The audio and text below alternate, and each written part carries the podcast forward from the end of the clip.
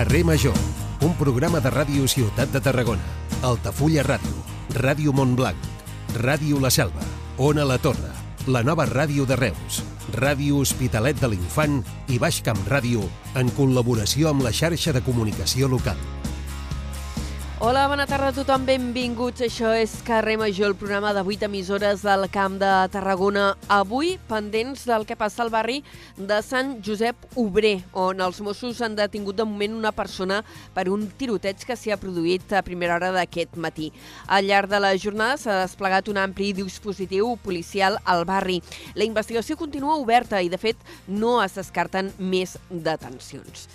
Ja sabeu, però, que en aquest programa, per començar, també ens agrada fer una mica de seguiment de la política nacional. Avui hem sabut que un nou informe dels lletrats del Congrés sobre la llei d'amnistia els... Eh, eh, disculpeu, eh, que porto un encostimpat del 15 i necessito tossir un moment. Ara sí, disculpeu, eh? Uh, dèiem, un nou informe dels lletrats del Congrés sobre la llei d'amnistia, uh, els encausats del procés, posa en dubte la seva constitucionalitat i avisa que la mesura seria de tramitar com una reforma de la Carta Magna. El text, elaborat pels lletrats de la Comissió de Justícia del Congrés, alerta també que la norma, acordada pel PSOE i l'independentisme, abans de la investidura de Pedro Sánchez, podria xocar diuen aquests experts, aquests lletrats del Congrés, amb la legalitat europea. Això és el que diuen en aquest segon informe, però és que el mes de novembre n'hi va haver un altre d'informe, i en aquell els lletrats van emetre un veredicte favorable on defensaven la tramitació eh, de la llei de l'amnistia en considerar que no contenia cap xoc directe amb la Constitució. I en paral·lel anem coneixent detalls més detalls de l'Operació Catalunya. La policia política del govern de Rajoy va fer, o hauria fet, informes sobre Mas, Puigdemont, Trias i Trapero. Nous documents revelen 34 investigacions a càrrecs catalans que s'haurien realitzat entre els anys 2014 i 16. Així, per exemple, en el cas eh, del major Trapero, doncs, eh, se l'hauria investigat o se l'hauria relacionat amb un suposat cas de tràfic de drogues. A Mas se li atribuïen fins a 90 milions en comissions i a Puigdemont se l'hauria investigat per la compra-venda d'obres d'art sent alcalde de Girona. Avui el major Trapero, per cert, ja ha anunciat que anirà als tribunals per persecució arran de tot això que s'ha anat sabent de l'Operació Catalunya i d'altres coses que ja sabien. Això és Carrer Major, som les emissores del Camp de Tarragona. Us acompanyem tot l'equip que fem aquest programa, Liri Rodríguez, l'Aleix Pérez, en David Fernández, la Gemma Bufies, la Cristina Artacho, l'Adrià Requesens, en Jonai González, el Pau Corbalan, l'Antonio Mellado, Antoni Mateos, jo mateixa que sóc l'Anna Plaça, i el Iago Moreno. Comencem.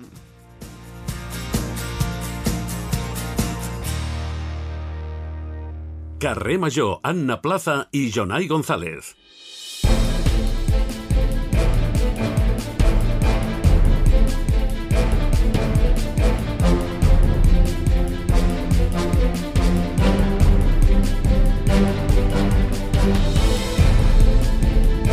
Passen 7 minuts a les 4 de la tarda i en aquest punt és quan eh, eh, connectem amb Ràdio Ciutat de Tarragona, jo que estic a Ona la Torre, i allí hi tenim l'altre company d'informatius, en Jonai González, eh, per repassar en format flash les notícies del dia en format titulars.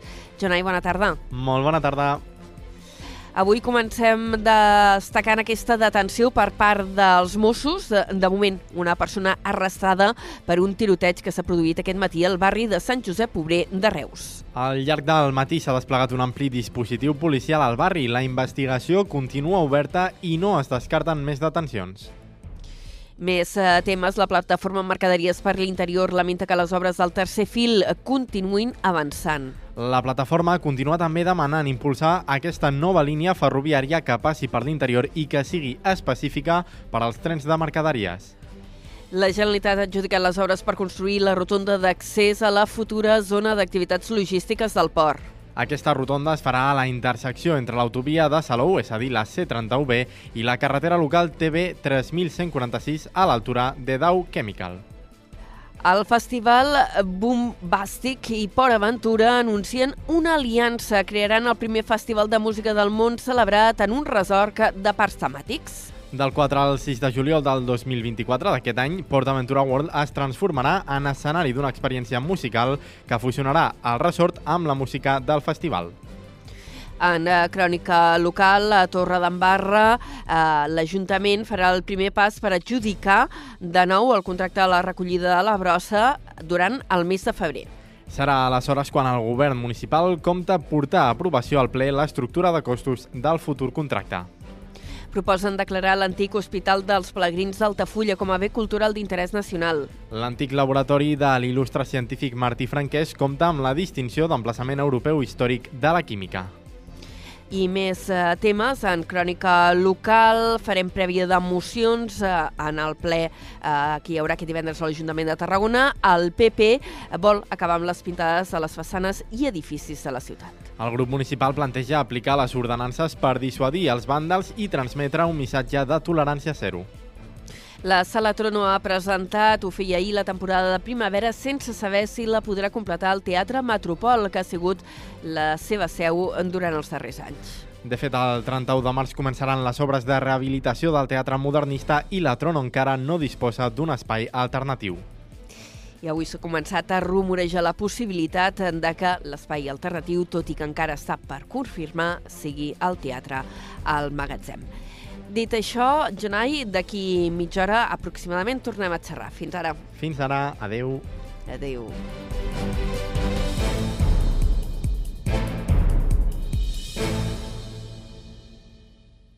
Carrer Major. Toni Mateos.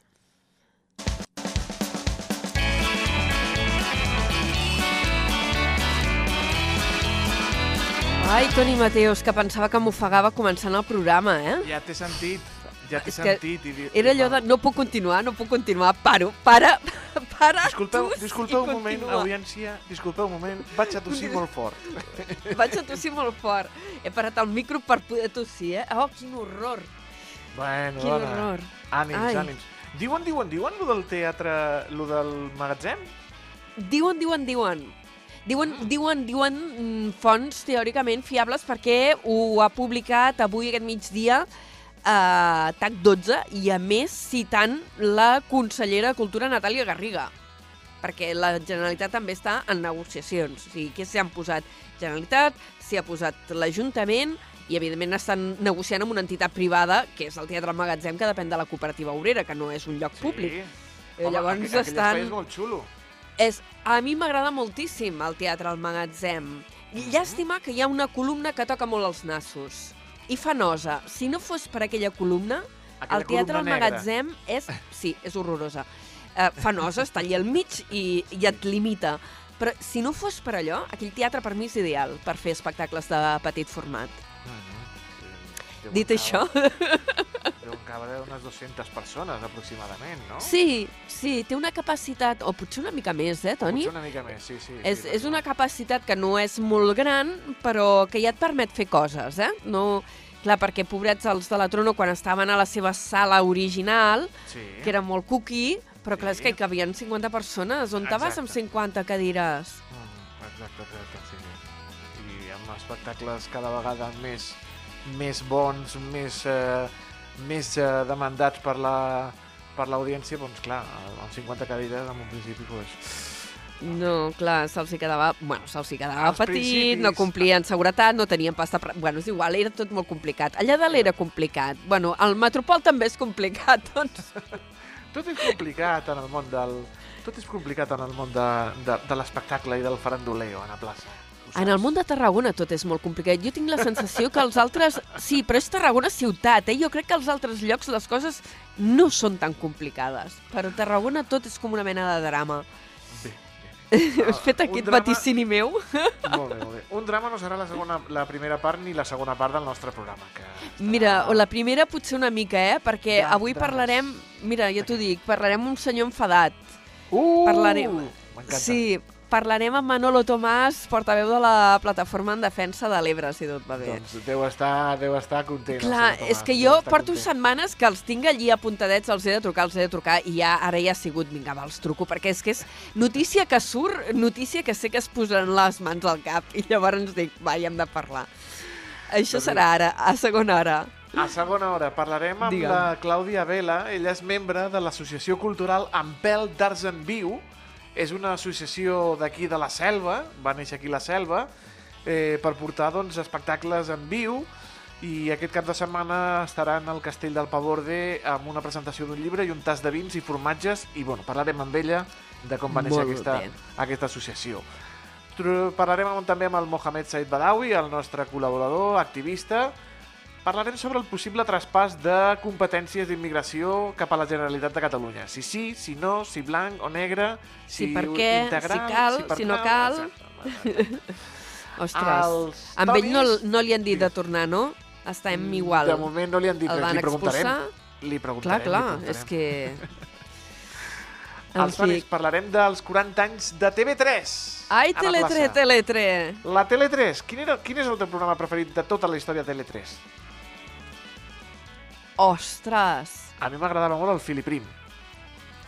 Ostres, sí, clar. Però era va, petit, clar, era tanquem la paradeta, en Josep Tanquem la Maria paradeta amb el bigoti i el senyor Bax. Ai, per favor, no ho sé. Jo, mira, ja està, ni saga de poder. Ui, ni saga de poder. Oh, quin Oh, marro, ai, per ai, favor. ai, ai, ai. No, no, la part dramàtica, eh? Ni saga de poder... Mm, quan feien teatre al 33 també em, em ho agraïa Molt bé, moltíssim, molt ara ho fan cada X.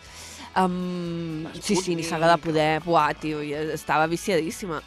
I tant. Doncs mira, parlarem dels 40 anys de TV3. Tindrem banda sonora del Camp de Tarragona amb el David Fernández i abans parlaves de la Sala Trono, doncs la Cristina Artacho se'n va parlar Sí. amb el director artístic, amb el Joan Negrier, de la temporada i de Sí. moltes coses més. I amb de què faran amb Negrier. la seva vida? Veure? I Ai. Dios mío. sí. Tenen més moral?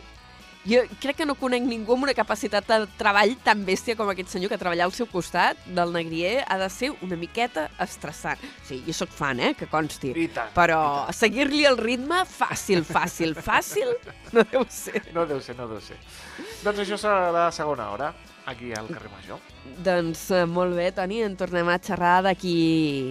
Bueno, Una tu, de passo el relleu. Escolta, quan no acabi jo de fer notícies, eh, sonaran les senyals horàries, hi haurà el butlletí de la xarxa i llavors t'hi poses tu. després I ja jo. està. I Exacte. pim-pam-pum. I ja, Bocadillo llestos. d'atún. Molt bé, Anna. Fins després. Fins Adéu. després. Cada tarda de dilluns a divendres fem parada a Carrer Major.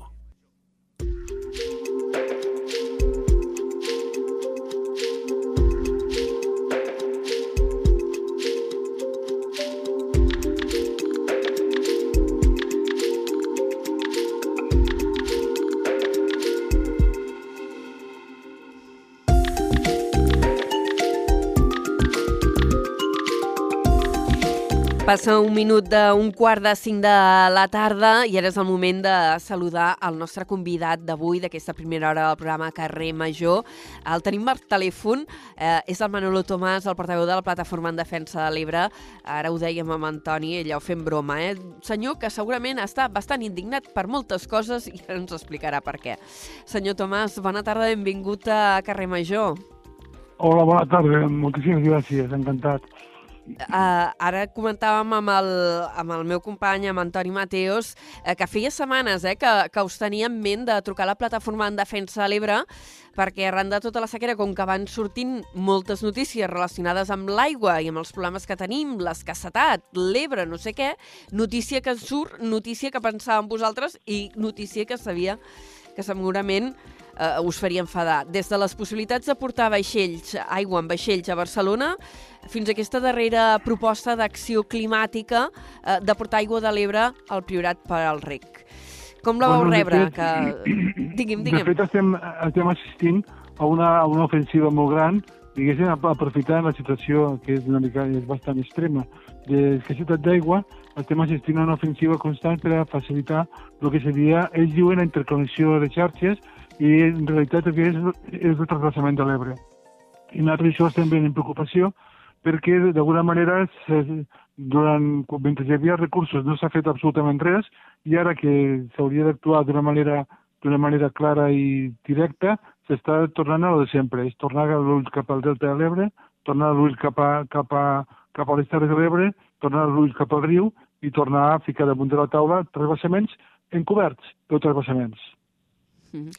Um, tema interconnexió de xarxes. De fet, um, fa una altra d'aquestes notícies que em va fer pensar en vosaltres. Eh? Un seguit de col·legis uh, professionals, entre els quals hi havia els d'enginyers uh, de camins, feien la proposta de fer la interconnexió de xarxes, és a dir, connectar uh, l'aigua que ve de l'Ebre a través del Consorci d'Aigües de Tarragona, el minitransvassament, conegut popularment, amb l'aigua, amb la xarxa del Ter Llobregat, i facilitar la connexió per poder portar aigua d'un lloc a l'altre. Uh, des del govern van dir que d'això ni parlar-ne. Però vosaltres di mm, teniu aquesta intuïció que encara que la posició oficial o el que sigui de cara en fora uh, per part del govern és que no hi haurà interconnexió de xarxes, sí que aneu veient Bueno. passos que us inquieten. No, està molt clar. O sigui, és evident que ja fa més de 30 anys que els diferents col·legis professionals estan intentant buscar la feina fe- fabricant canonades, tubos, infraestructures per a trasbassar l'aigua de l'Ebre. La postura del govern entenem que és una postura que, que té una, una, una, clara, una clara visió de tranquil·litzar el personal, però nosaltres som molt pragmàtics i una cosa és el que es diu, l'altra el que es fa. Mireu, la interconnexió de xarxes, que és el trasbassament de l'Ebre, la prolongació del trasbassament de l'Ebre, s'està realitzant a diversos llocs. Un és la famosa de, de saladora de Cunit Cubelles, Cubelles, que ells diuen del Foix per enmascarar-ho, Sí. que en realitat el que és la, la, eh, connectar la xarxa del Consorci de de Tarragona en Ter Llobregat amb l'excusa d'una desaladora, que després si voleu parlarem d'això, no? L'altra és... sí, sí, és un tema de- dels que tenia apuntats. Digui'm, digui'm. Sí, doncs parlarem, no hi ha problema. No? Llavors, l'altre és el tema de lo, lo, lo que seria la última proposta del última proposta del conseller, que és inexplicable, perquè una i dos, on desconeixen el funcionament de la Confederació Hidrogràfica de l'Ebre, o, o aquí hi ha un missatge profund, tan profund, tan profund, que no l'acabem d'entendre. No? I és el tema de Ah, és, salvaguardar el travessament del, del Siurana al, al pantà de Riudecanyes, no? Això són obres que, que s'estan, que d'alguna manera són propostes que s'estan treballant. N'hi ha més. És el tema del, del canal Segarra-Garrigues, el tema de la connexió de diferents poblacions del canal Segarra-Garrigues. N'hi ha més. Hi ha el tema de, la, de lo que seria l'expansió del Consorci d'Aigües de Tarragona. O sigui, és com, una, és com un munt de fronts oberts que d'alguna manera que donen la impressió que el govern s'està preocupant per l'escassetat de l'aigua, però en realitat el que està fent és aprofitar l'escassetat de l'aigua, que a més s'ha provocat perquè, per la in- inacció eh, institucional, per col·locar una sèrie d'obres que fa molts anys que tenen interès en col·locar-les. És, és indignant. Uh, et deia, aquesta darrera proposta, la d'acció climàtica de portar aigua de l'Ebre fins al Priorat. Us, és una proposta que, que es formulava, a més, uh, al territori, al Priorat, es, es va fer la presentació justament aquest dissabte. Us va sorprendre? Sí, totalment. Perquè, a més, en realitat, el que, tècnicament, a veure, una cosa és el que digui un polític i tot, però el que realment s'ha plantejat tècnicament, realment, al Priorat és una ampliació de regadius.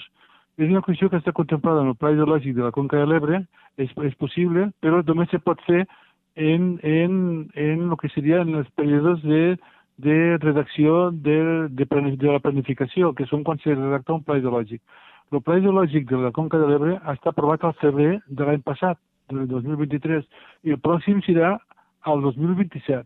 Entremig, unes obres estructurals que signifiquen captació d'aigua del riu per ampliació de regadius o per altre tipus d'activitats és, és il·legal i és impossible, o sigui, no autoritzaran mai. Llavors, clar, ens ha sorprès que es plantegi una obra que eh, el mateix conseller diu que va a 3-4 anys vista, en un, en un moment que el que s'està lluitant és per la immediatesa, no? Per tant, d'alguna manera, nosaltres entenem que el del Priorat no té absolutament res que veure amb la sequera ni té absolutament res que veure amb la situació actual que estem vivint. És una altra cosa que, per altra banda, creiem inexplicable. Mm. Uh, de fet, ara vostè ho deia que, mm, de fet, la mateixa Che, la, la Confederació Hidrogràfica de l'Ebre, havien dit això mateix, que fins que no hi hagi el pròxim pla uh, hidrològic, um, aquesta obra no s'hauria de, de poder contemplar i que per ells també va ser primera notícia. Bueno, és que eh, jo com me vaig entrar el diumenge pel matí de la notícia vaig quedar, dic, dic, dic, dic aquí aquest senyor, els assessors, o l'han informat molt malament, o realment aquí passa alguna cosa molt estranya, perquè el període de planificació ja ha passat, no? Llavors, l'altra lectura que nosaltres fem és a què ve això ara? Llavors nosaltres entenem que això ve eh, amb un intent de blindar el travessament del Siurana cap a, cap a Rius de Canyes, cap a Reus. Eh, N'hi ha una cosa que, que tenim molt clara. La, la, la solució als problemes que té el Priorat se solucionarien en part si, si, si, si es deixés circular el riu Siurana. El riu Siurana està empresonat i està desviat. Per tant, al desviar-se el riu Siurana hi ha unes mancances, sobretot d'aigües subterrànies, perquè els aqüífers no recarguen. Eh, clar, això, la, la gent que estem en aquest món de fa molts anys, no cal moltes explicacions, sabem com funciona. El que m'estranya molt és que l'administració no sàpiga com funciona el tema. És preocupant i, a més, el que, sí, el que sí que trobem a faltar és una autocrítica important de, de l'administració de com s'ha pogut arribar en aquesta situació quan ja vam viure l'experiència del 2008 que llavors ja també es va dir que se prendrien, se prendrien una sèrie de mesures i aquí de, de moment encara no s'havien pres. Creiem que fa falta una autocrítica, fa falta una explicació i sobretot fa falta ser una miqueta seriós, no sé si dir la paraula honrats, però sí una miqueta seriosos i actuar de manera pràctica per a solucionar l'emergència, no per a colar obres que històricament no saben com fer-ho. Mm. Ara, de fet, eh, vostè ha argumentat o ha pronunciat uns arguments que són els que també sosté eh, la plataforma en defensa de, del Siurana, no? d'aquesta necessitat eh, de recuperar el cabal natural del riu, eh, que vostè ho deia amb aquests termes de que queda empresonat el, el pantà. Bueno, és que de fet, ja veurem, hi ha una cosa que no hem d'oblidar. El, el, el clima mediterrani, el que, el que són les sequeres són, són periòdiques, són inclús programables. La, la diferència d'aquesta sequera en, en les altres és en què hi ha escassetat. L'escassetat ve donada per un ús abusiu de la gestió de l'aigua, per, no ser, per, per, per no tindre previsió. Llavors, clar, la, la primera cosa que s'hauria de fer en una primera etapa com actual seria preservar i recuperar tots els aquífers, recuperar rius, recuperar els aquífers subterranis, mm, per exemple, recuperar tot el que seria l'aqüífer de la Catalunya central que està altament contaminat pels purins, no?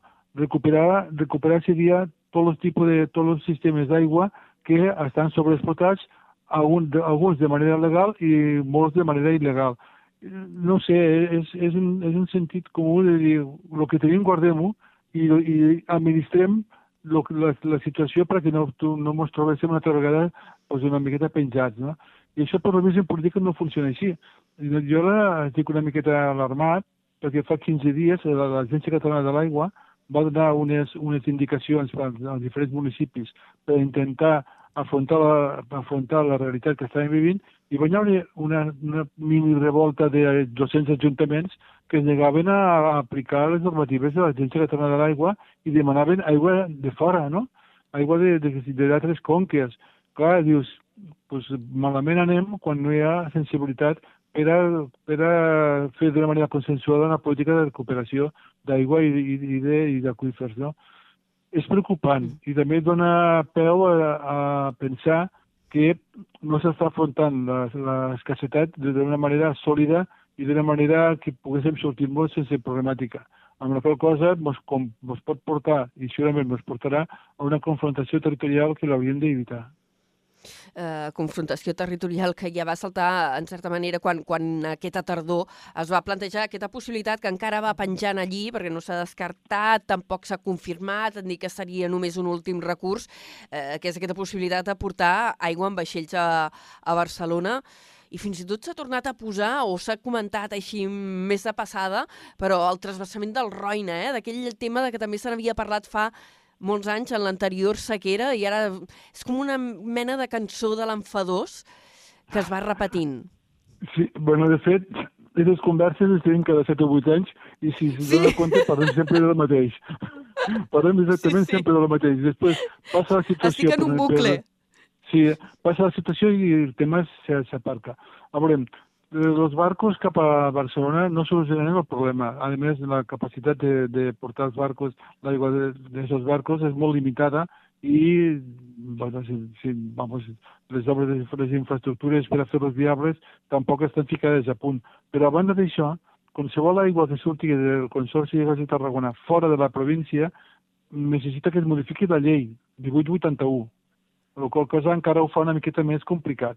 Sigui, són, són, són notícies que d'alguna manera contribueixen a crear la sensació de que el govern intenta fer alguna cosa, en realitat no està fent res, però sí que crea una imatge, a menys que una imatge que ens preocupa a la gent de les de l'Ebre, de criminalització de la gent que ens oposem, no? Diu, oh, és que són insolidaris, o és que no es preocupa la nostra, la nostra situació. I no és cert. Nosaltres el que estem dient és que sí que volem solucionar la problemàtica del país, però que qui té la responsabilitat no ho està fent de la manera correcta. Està utilitzant mètodes de fa més de 40 anys. El, el tema de, de travessaments, el tema de el tema de, de no, de no mm, invertir en la millora de les xarxes, el tema de que damunt que estem en una situació d'emergència de, de, s'augmenten en, en 13.000 noves hectàrees de regadius, 214.000 nous habitatges a l'àrea metropolitana de Barcelona. O sigui, hi ha una, una línia de creixement com si no passés res, quan en realitat hi ha una mancança molt greu. I això és cada, cada eh, o és que som, anys. estava pensant ara també, mm, clar, es van construint més habitatges, però és que clar, cada vegada som més gent. Són 8 milions de persones, ja s'han superat però... el llindar de 8 milions de persones a Catalunya, poca broma. Eh, tens raó, el que passa que aquí hi ha una cosa que és evident, una altra cosa que, que, que s'hauria de parlar, és quin és el model de país que ens estem, ens estem creant. És un model de país altament amb una concentració de, de, de gent molt, molt forta amb un punt molt concret, amb pocs recursos i un buidatge de el que seria les zones, les, les zones del límit, de les zones més, més externes, sí. no? Per tant, una altra cosa que s'hauria de parlar i en tranquil·litat i sense presses és quin és el model de país que ens estem notant a Catalunya i eh, quina és la distribució de, de, de la població que, que, que podem assumir. Jo crec que mm -hmm. això és un tema que fa una miqueta de, de por a enfocar-lo, però que és, és necessari. O sigui, no pot ser que se concentri tota la població en, en uns pocs quilòmetres i totes les infraestructures, tant viàries com elèctriques, com, com d'aigua o, o altres recursos, vagin cap allí eh, en detriment de la despoblació de la resta del territori. És un tema llarg de, per a parlar, però jo crec que seria un tema molt, molt educatiu per veure realment quin país ens mereixem els catalans. Uh, senyor Tomàs, abans uh, has esmentat així, pam, de passada una cosa que m'he apuntat i li preguntaré per això. S'ha referit a l'expansió del Consorci d'Aigües de Tarragona. Uh, què refereix? Al fet de fer arribar aigua a més punts a la Conca de Barberà o hi ha alguna cosa que no tinc controlada jo i, i que s'està coent? Sí, s'estan fent una campanya d'extensió del que seria de la captació del Consorci de Tarragona. El Consorci de Tarragona és, és un instrument econòmic va néixer amb una necessitat d'urgència de lo que seria la Tarragona ciutat perquè les petroquímiques havien creat els aquífers i van néixer en una circumstància molt concreta amb una dotació d'aigua molt concreta per a sortir del pas. I al final s'ha convertit en un element important de, de, de creació d'infraestructures i de generació econòmica. Llavors s'ha fet s'ha ficat com, una, com un venedor d'aigua. Llavors, clar, hi ha propostes de bastant importants d'estendre les canonades del Consorci de Tarragona cap, seria cap, al, cap al nord de la província de, de Tarragona, cap a aquelles poblacions, inclús amb la possibilitat de traspassar a les conques internes de Catalunya. Estan en dubte si traspassar-los ells o, o, o traspassar-los a través del, del Segarra Garrigues. No? Clar, nosaltres el que estem criticant és que una vegada passada l'emergència, aquesta aigua tindria que retornar al riu tindria que retornar perquè la, la, les necessitats que tenim a les Terres de l'Ebre i sobretot la, la, la política de preservació del delta necessita tots els recursos necessaris i possibles perquè el, el delta s'està perdent. Damunt del delta vivim 60.000 persones.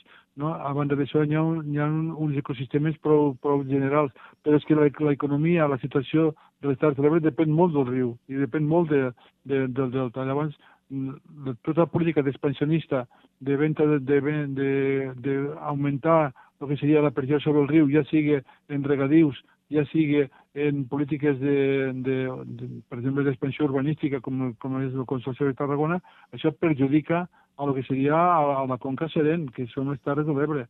Clar, la crítica que nosaltres fem és que se va enganyar la gent. Se va dir que se solucionava una emergència, quan en realitat el que s'ha fet és generar un negoci, que és el que intentem fer a partir de lo que es diuen interconnexió de xarxes, és generar el que no es pari la roda, no? I llavors això té uns efectes ambientals importants que a nosaltres personalment mos preocupen i mos perjudiquen.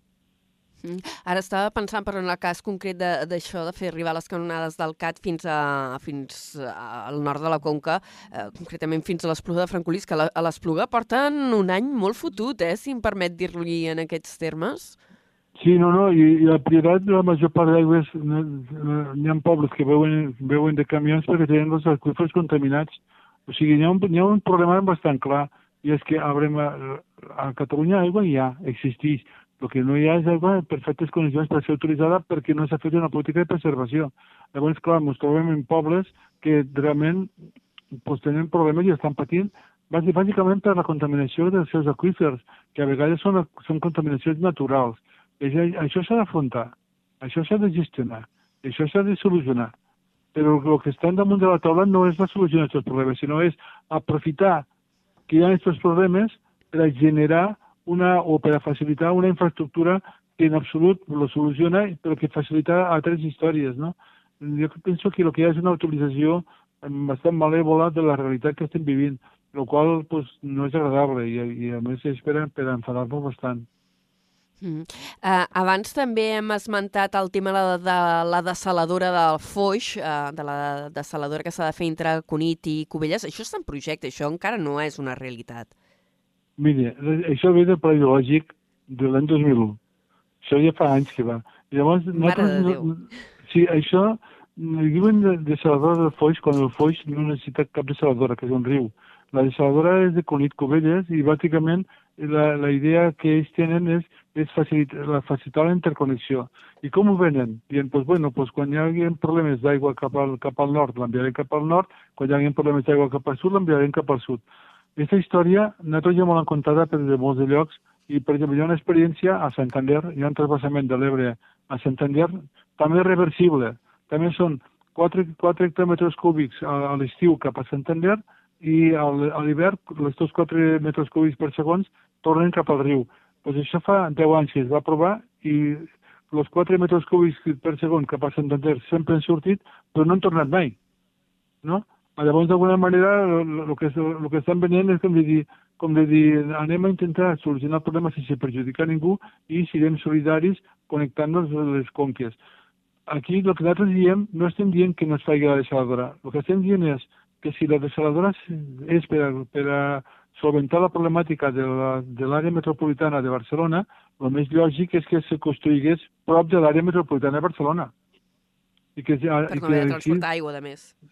Seria, seria, seria el més lògic i raonable i més assequible econòmicament, més a prop del lloc on, on té que ser utilitzada, menys gastos en infraestructures, menys, gas, menys despesa en el transport i realment, pues, bueno, més, més perquè no es parlen del comerç de proximitat, pues n'hi hauria aigua de proximitat, no? Llavors, mm, clar, això no els interessa, és de volen el punt exacte eh, de, de confluència de les dues xarxes. I a més, com d'alguna manera saben que si diu una veritat, molta gent s'enfadaria, eh, li diuen la desaladora del foix. Quan ningú sap el que és el foix i el foix, i quan en realitat el foix no necessita absolutament res. És, és una, un eufemisme per a, per a amagar, per a camuflar o per a, o per a que no es vegi la importància del que està passant. Mm, Nosaltres li vam plantejar al conseller Mascort que, que vale, si han de fer la desaladora que la faiguen, però que la faiguen a prop del lloc on la necessiten l'aigua, no en aquell punt, perquè en aquell punt està sota sospita que en realitat el que estan fent és culminant una obra que ja està escrita des de l'any 2001, que fa 23, Eh, què us va dir el 23 anys. conseller? Perdó? Quan, què us va dir el conseller quan li vau dir això? Ah, que no mos, no mos preocupessin, que mentre ells vanessin no hi hauria. I dius, vale, o sigui, que, que, que ells no, no estaven a favor de transvasament i que per tant que ells asseguraven que no hi hauria. Ja sabem que el cicle polític són cada quatre anys i cada quatre anys pot canviar un govern. Però segona banda d'això, que en moments com els actuals no cal canviar de govern, o sigui, simplement apretar un botó. Llavors, la veritat que no ens va, no mos va tranquil·litzar en absolut, sinó tot el contrari. I després també una altra cosa molt curiosa, i és que aquesta desaladora ja té el finançament preparat per part del govern central. O sigui, va tot molt ràpid. No? La té, I aquesta desaladora no té res que veure amb la problemàtica que estem passant actualment, sinó que si en cas de construir-se tardaria 4 o 5 o 6 anys en, en ficar-se en marxa, no? És, bueno, és més de lo mismo, nosaltres d'alguna manera estem atents a lo que estan fent i el que és evident és que seguirem el projecte i si continuem mantenint la, el lloc on, on la pensem construir, evidentment haurem de fer alguna cosa. Uh, senyor Tomàs, s'està acabant el temps i tenia tantes coses encara uh, més apuntades per preguntar-li, perquè evidentment a l'estiu vam fer una acció, uh, per exemple, uh, demanant la reversió del mini transversament, de la qual ja hem parlat, demanant que s'aturin projectes com el Hard Rock, que jo crec que ja no cal dir-ne res perquè ja n'hem parlat molt en aquest programa i ja m'imagino quina és la, la postura, però sí que li volia preguntar una altra qüestió, que són els treballs o la prova pilot que s'estava fent eh, per retirar o per mm, recollir sediments eh, al pantà de Maquinetza per poder-los fer arribar riu avall fins al Delta. Eh, quan es va presentar aquesta prova pilot ara aquesta tardor, que també és una cosa relativament recent, la plataforma en defensa de l'Ebre vau dir que molt clar no ho veieu. A veure, aquesta prova pilot està contemplada al dins del Pla Geològic de la Conca de l'Ebre hi ha una, una dotació pressupostària de 5 milions d'euros per a fer intentar arribar als sediments al, al peu de, de l'embassament de Ribarroja perquè el riu els anés traspassant cap a, cap a, cap a la mar, no? Però, curiosament, el Ministeri ha, ha agafat aquests diners i el que ha fet ha sigut un moviment... Ha mogut sediments, sí, és veritat. Ha mogut uns sediments a la, a la zona de Mequinensa que havien, havien obturat, havien, havien bloquejat una, una, un, una pista, com, com diria, una zona de, de, per a fer campionats de rem. I el que han fet ha sigut traslladar estos, estos, estos sediments dos quilòmetres riu avall, però en absolut han fet el que estava previst al pla ideològic. Per tant, estem bastant enfadats, i és una cosa que parlarem jurídicament quan, quan toque, no? I és a dir, s'ha aprofitat una obra que en principi estava demanada pel territori d'intentar d'intentar veure com arribar els sediments cap al sud amb una, una obra que no té res que veure en, en, en, la, en el transport de sediments, sinó que el que té que veure és una, una problemàtica justa, o sigui, no discutim, l'Ajuntament de, de Mequinensa té dret a tindre una pista de regates, o sigui, no ho discutim, però això no és el que, el que se plantejava com... No, és una, és una altra història. Llavors, clar, és que són, són uns pidins, eh? O sigui, o sigui, agafen la lletra i la transformen com volen. Això portarà problemes. O sigui, d'alguna manera, nosaltres entenem que el mm, delta sempre queda en, en segons terme, la problemàtica del delta s'està agrejant, cada vegada és més greu, s'ha d'afegir a, a la regressió, l'erosió i la salinització un problema de qualitat de l'aigua perquè al baixar del riu en, en, poca, en poca potència no diluïx perfectament el que serien les activitats industrials que hi ha en riu amunt, que són bastant importants, no? i això pues, ens comportarà una situació en què, en què o s'actua per un cantó o ens haurem de mobilitzar, perquè això perjudica moltíssim ja la salubritat de les persones. Però és curiós, no? Feta la llei, feta la trampa. S'aproven sediments i sí, mouen, mouen arenes, però les arenes no se'n van del lloc. La veritat que hi ha un far, eh? Un I d'acció, ara que ho esmentava així de passada, si cal ens mobilitzarem. Teniu alguna acció prevista ara? En aquests moments el que nosaltres estem preparant és una assemblea ciutadana a finals de febrer, principis de març, on plantejarem totes les situacions que nosaltres creiem que s'han de discutir o, o, o que s'ha de parlar i allí, en funció de lo que diga la gent, farem alguna cosa. És, és un clàssic. La plataforma, sempre que fem alguna cosa, primer fem una assemblea on prenem la decisió.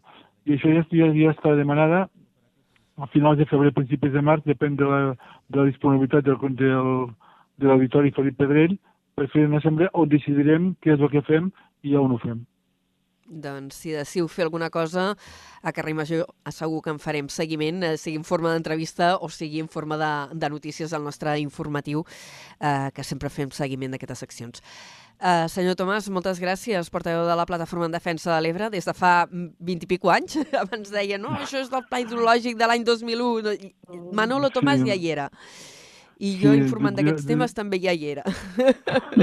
Mos fem grans i savis.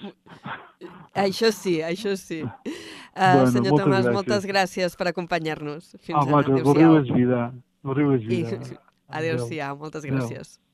Carrer Major, al Camp de Tarragona, des de ben a prop.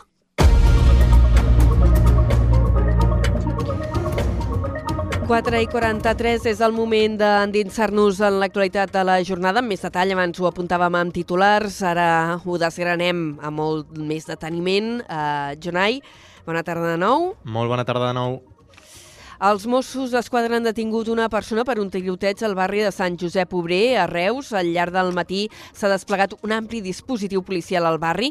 La investigació continua oberta i no es descarten més detencions. La policia espera l'ordre judicial per poder accedir a un, dels domicilis. Segons han informat fons policials a la CN, la investigació ha permès confirmar que s'han disparat diversos trets durant una baralla entre veïns de la zona. No consten persones ferides. El desplegament es mantindrà al barri reusenc almenys fins aquest dijous, tot i que ja s'han retirat els grups especials d'intervenció. La plataforma Mercaderies per l'Interior lamenta que les obres del tercer fil continuïn avançant sense que en paral·lel es facin passos significatius per impulsar una línia ferroviària específica que passi per l'interior i per al tràfic de mercaderies. Coincidint amb l'inici de la implantació del tercer carril al Penedès, la plataforma ha emès un comunicat en què reitera que aquest projecte comportarà el col·lapse de la línia de la costa perquè s'hi incrementarà el pas de trens de mercaderies amb convois que poden arribar als 750 metres. Ara, fa prop d'un any, l'entitat va plantejar un traçat alternatiu per evitar que aquests trens passin per zones més poblades del Camp de Tarragona. Lamenten que, passat aquest temps, ni Adif ni el Ministeri s'hagin pronunciat al respecte. La proposta de la plataforma passa per per fer una nova via que circunvali els municipis de Reus i Constantí, passi per l'estació del Camp de Tarragona i segueixi un traçat paral·lel a la línia d'alta velocitat i a la P7 fins a arribar a la línia convencional una vegada passat el Vendrell. Mentre no s'arribi a una solució definitiva, l'entitat planteja fer servir les vies existents de l'AVE des de Perafort fins a l'Arbós. I seguim amb temes més relacionats amb eh, infraestructures. La Generalitat ha adjudicat les obres per construir la rotonda d'accés a la futura zona d'activitats logístiques del port. Aquesta rotonda es farà a la intersecció entre l'autovia de Salou, és a dir, la C31B, i la carretera local de la Pineda, TV-3146, a l'altura de Dow Chemical. Les obres les farà l'empresa de tecnologia de firmes i, si bé les ha adjudicat el govern català, les pagarà l'autoritat portuària. La nova rotonda, que farà 96 metres de diàmetre, costarà 3,1 milions d'euros. Està previst que els treballs comencin aquest mateix mes de gener i que s'allarguin durant 10 mesos. L'obra també inclou la construcció dels ramals de connexió, els elements de drenatge, la senyalització i l'enllumenat. La construcció d'aquesta rotonda és un pas més en les obres de condicionament de l'entorn de la zona d'activitats logístiques per facilitar la sortida i entrada de camions de mercaderies. En paral·lel també s'estan fent les obres d'un pas soterrat per sota de l'autovia de Salou per facilitar la connexió amb l'autovia A7 i l'autopista. Aquests treballs compten amb un pressupost de 5,2 milions d'euros i està previst que estiguin acabats al juny d'enguany. I atenció, perquè el festival Bombastic i Port Aventura World han anunciat avui una aliança per crear el primer festival de música del món que se celebrarà en un ressort amb parcs temàtics. Serà enguany mateix, del 4 al 6 de juliol. Port Aventura World es transformarà llavors en escenari d'una experiència musical que funcionarà la seva oferta de ressort turístic amb la música del Bombastic. Aquests tres dies s'esperen prop de 30.000 assistents que podran gaudir de més de 40 artistes destacats del panorama musical actual en tres escenaris diferents. PortAventura també oferirà diferents experiències dins dels parcs que, que configuren el PortAventura World. Properament s'anunciaran tant els artistes que conformaran el cartell, així com els detalls d'aquestes experiències. El primer avançament del cartell per al bombàstic PortAventura World s'anunciarà d'aquí una setmana, el 24 de gener, i la sortida a la venda de les entrades s'iniciarà serà el 4 de febrer. Per aquest festival han passat artistes com Batjal, Nicky Nicole, Bizarrap o Relsby, entre d'altres. Passen dos eh, minuts de tres quarts de cinc de la tarda. En crònica local, el Partit Popular de Tarragona vol acabar amb les pintades a les façanes de la ciutat. El grup municipal planteja aplicar les ordenances per dissuadir els vàndals i transmetre un missatge de tolerància zero. Els populars presentaran la proposta en forma de moció al ple ordinari d'aquest divendres. La portaveu del Partit Popular, Maria Mercè Martorell, defensa castigar els incívics multant les infraccions i endurint les sancions.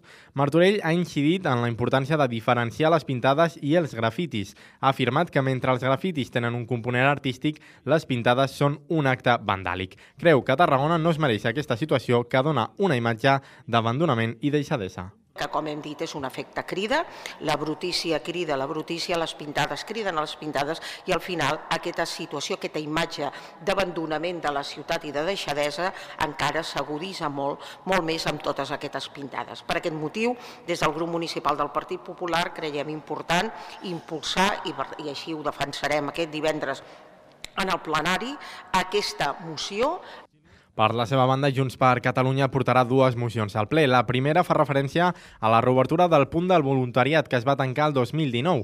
La segona moció, presentada pel grup municipal, serà per donar continuïtat i fomentar Tarragona com a Vila Florida. D'altra banda, el grup municipal d'en Comú Podem també presentarà dues mocions al ple. Per una banda, demanen la construcció d'un monument en honor a Federico García Lorca al barri de Torrefort a la plaça del mateix nom. En segon lloc, els comuns demanaran que l'Ajuntament rebutgin els transvasament de l'Ebre entre Tarragona Tarragona i Olèrdola.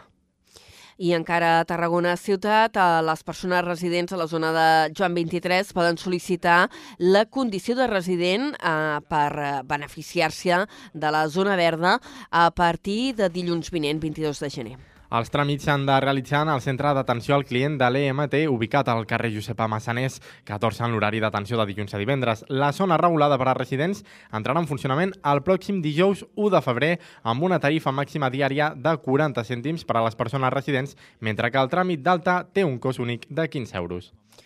L'Ajuntament de Torredembarra farà el primer pas per a l'adjudicació del nou contracte de la recollida de la brossa, previsiblement durant el mes que ve. És aleshores quan el govern municipal compta portar a aprovació al ple l'estructura de costos del futur contracte. Des d'on a la torre ens ho explica en Josep Sánchez. A partir d'aquí, tota la documentació relativa a la licitació i a la futura adjudicació del servei de recollida de residus s'enviarà a la Junta Consultiva de la Generalitat perquè sigui estudiada. Ho explica el regidor de Residus i Neteja Viària, Raül Garcia, que comenta que les següents etapes seran molt consecutives. Confia en poder tancar aquest 2024 amb el nou contracte ja adjudicat a partir d'aquí ja són terminis molt més consecutius per poder fer la publicació dels plecs, eh, començar el procés de licitació i adjudicar el contracte. És un procés llarg, eh, amb o sense impugnacions de les empreses, que tothom que estem una mica al dia veiem que als ajuntaments sempre hi ha processos d'aquest, i confiem que durant aquest any doncs puguem ja adjudicar aquest contracte. Actualment el servei el presta l'empresa Precero a través d'un contracte d'emergència. Tot just el mes de febrer farà un any de la seva entrada en vigor proposen declarar l'antic hospital dels Pelegrins a Altafulla com a bé cultural d'interès nacional. L'antic laboratori de l'il·lustre científic Martí Franquès compta amb la distinció d'emplaçament europeu històric de la química. Ens n'amplia la informació des d'Altafulla Ràdio, la Carol Cubota. L'antic Hospital de Pelegrins d'Altafulla i seu del laboratori del científic fill il·lustre d'Altafulla, Antoni Martí Franquès, podria rebre una altra bona notícia en el seu camí per ser reconegut com un edifici històric que cal preservar i conservar.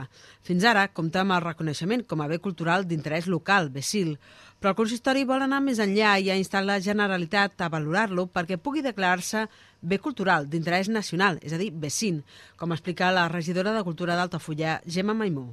Vam veure que sí, que l'edifici, per les seves particularitats, per la seva funció, per la seva contextualització històrica que té, és susceptible doncs, de ser considerat com a bé cultural d'interès nacional, cosa que permetria doncs, poder optar a una línia de subvencions per la seva rehabilitació. Per poder fer oficial aquesta declaració, però, cal un informe tècnic acurat amb les característiques de l'edifici i les seves peculiaritats. Quan la declaració es faci efectiva, es podrien demanar subvencions per rehabilitar l'edifici i posar-lo a disposició de la ciutadania, ja que actualment roman tancat. Moltes gràcies, Carol. Eh, I us expliquem ara que Tarragona inaugura una nova residència de gent gran als voltants de Joan 23. Eh, Clese Vitam Daurada eh, va obrir el passat setembre. En total l'oferirà 172 places i quan entri en funcionament a ple rendiment haurà creat més de 100 llocs de treball. Ens ho amplia des de Ràdio Ciutat de Tarragona la Cristina Artacho. Clecevitam Daurada és la tercera residència del grup Clece a Catalunya. L'empresa aposta per un model d'atenció totalment personalitzat a l'usuari. Carla Pérez, Social Advisor de Clecevitam Catalunya, ha explicat que l'espai té 5 plantes dormitori, distribuïdes en unitats de convivència de no més de 17 persones, sectoritzades en funció de les capacitats i necessitats dels usuaris. Quan es va projectar aquest centre, sí que és cert que era un moment on els números de Covid estaven una miqueta desbordats Aleshores, a l'hora de plantejar l'estructura del centre ja vam tenir en compte eh, diferents eh, temes que afectaven, eh, com bé comenteu, en el sistema de bugaderia. Tenim eh, l'entrada eh, bruta i la sortida net, també de cara a l'entrada i sortida del personal, que entren directament a la zona de vestuaris, que és per nosaltres considerada zona bruta, on es canvien i ja entrarien dins de les instal·lacions del centre considerades eh, zona neta. Tenim diferents eines doncs, per, per assegurar aquest màxim de, de benestar dins del centre, aquestes precaucions. Per la seva banda, l'alcalde de Tarragona, Rubén Miñuales, ha valorat molt positivament que Tarragona tingui una nova residència al centre de la ciutat. Ho considera un factor molt important perquè els usuaris puguin mantenir el contacte amb l'entorn on han viscut sempre. I anem ara a, cap al sud del Baix Camp, on s'han presentat noves activitats per al casal dels joves de Vandellós i l'Hospitalet de l'Infant. Les propostes són gratuïtes i estan adreçades als joves a partir de 12 anys. En té més detalls des de Ràdio L'Hospitalet, l'Iris Rodríguez. La regidora de Joventut ha organitzat noves activitats als casals de joves del municipi per aquest primer trimestre de l'any. Hi ha una proposta diferent per cada dia de la setmana, totes són gratuïtes i estan dirigides als joves a partir de 12 anys.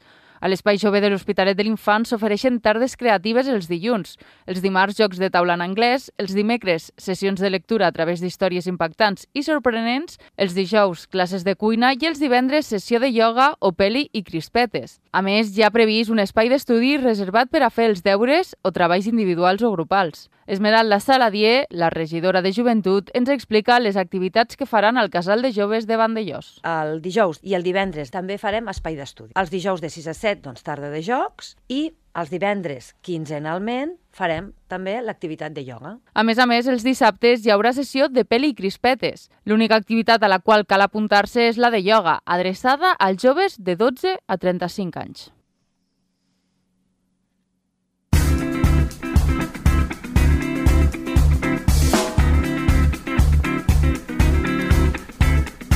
La plana cultural ve marcada per la sala Trono, eh, que dirigeix l'actor de la Riera Gaia, Joan Negrier, i que tot just ahir presentava la temporada de primavera sense saber si la podran completar al Teatre Metropol, que ha sigut eh, la seva seu durant els darrers anys. I és que el 31 de març eh, començaran les hores de rehabilitació del Teatre Modernista de la Rambla Nova i la Trono encara no disposa d'un espai alternatiu hi ha la possibilitat que els espectacles programats a l'abril i al maig encara es puguin fer al Metropol si la primera fase dels treballs ho permet. Joan Negrier ha dit que la situació encara és incerta i que no saben on seran d'aquí a dos mesos. Ha explicat que s'estan buscant alternatives i que almenys han aconseguit que Ajuntament i Generalitat treballin plegats en la cerca d'una solució. De que cada vegada que un govern canvia la ciutat has de tornar a explicar un projecte que porta 20 anys en funcionament, desgasta molt. Sempre he dit que hem d'anar de la mà perquè un teatre funcioni i és el que en principi sembla que està passant ara, cosa que no havia passat fins ara. TAC12 ha avançat aquest migdia que una opció que hi ha sobre la taula és que la Trono s'instal·li temporalment al Teatre El Magatzem, que pertany a la cooperativa obrera. La programació de primavera a la Tor de la Trono, eh, per cert, començarà el 2 de febrer i inclou 16 propostes. Entre els espectacles programats hi ha Austràlia d'Israel Solà, El gegant del Pi, amb Pau Vinyals i Cadires, amb Oriol Genís i Montplans. També s'ha programat La màquina Hamlet, dirigida pel tarraoní Marc Chornet. I tanquem així la primera hora de Carrer Major. Ara a les 5 pren el relleu Toni Mateos, la resta de l'equip. Fins ara.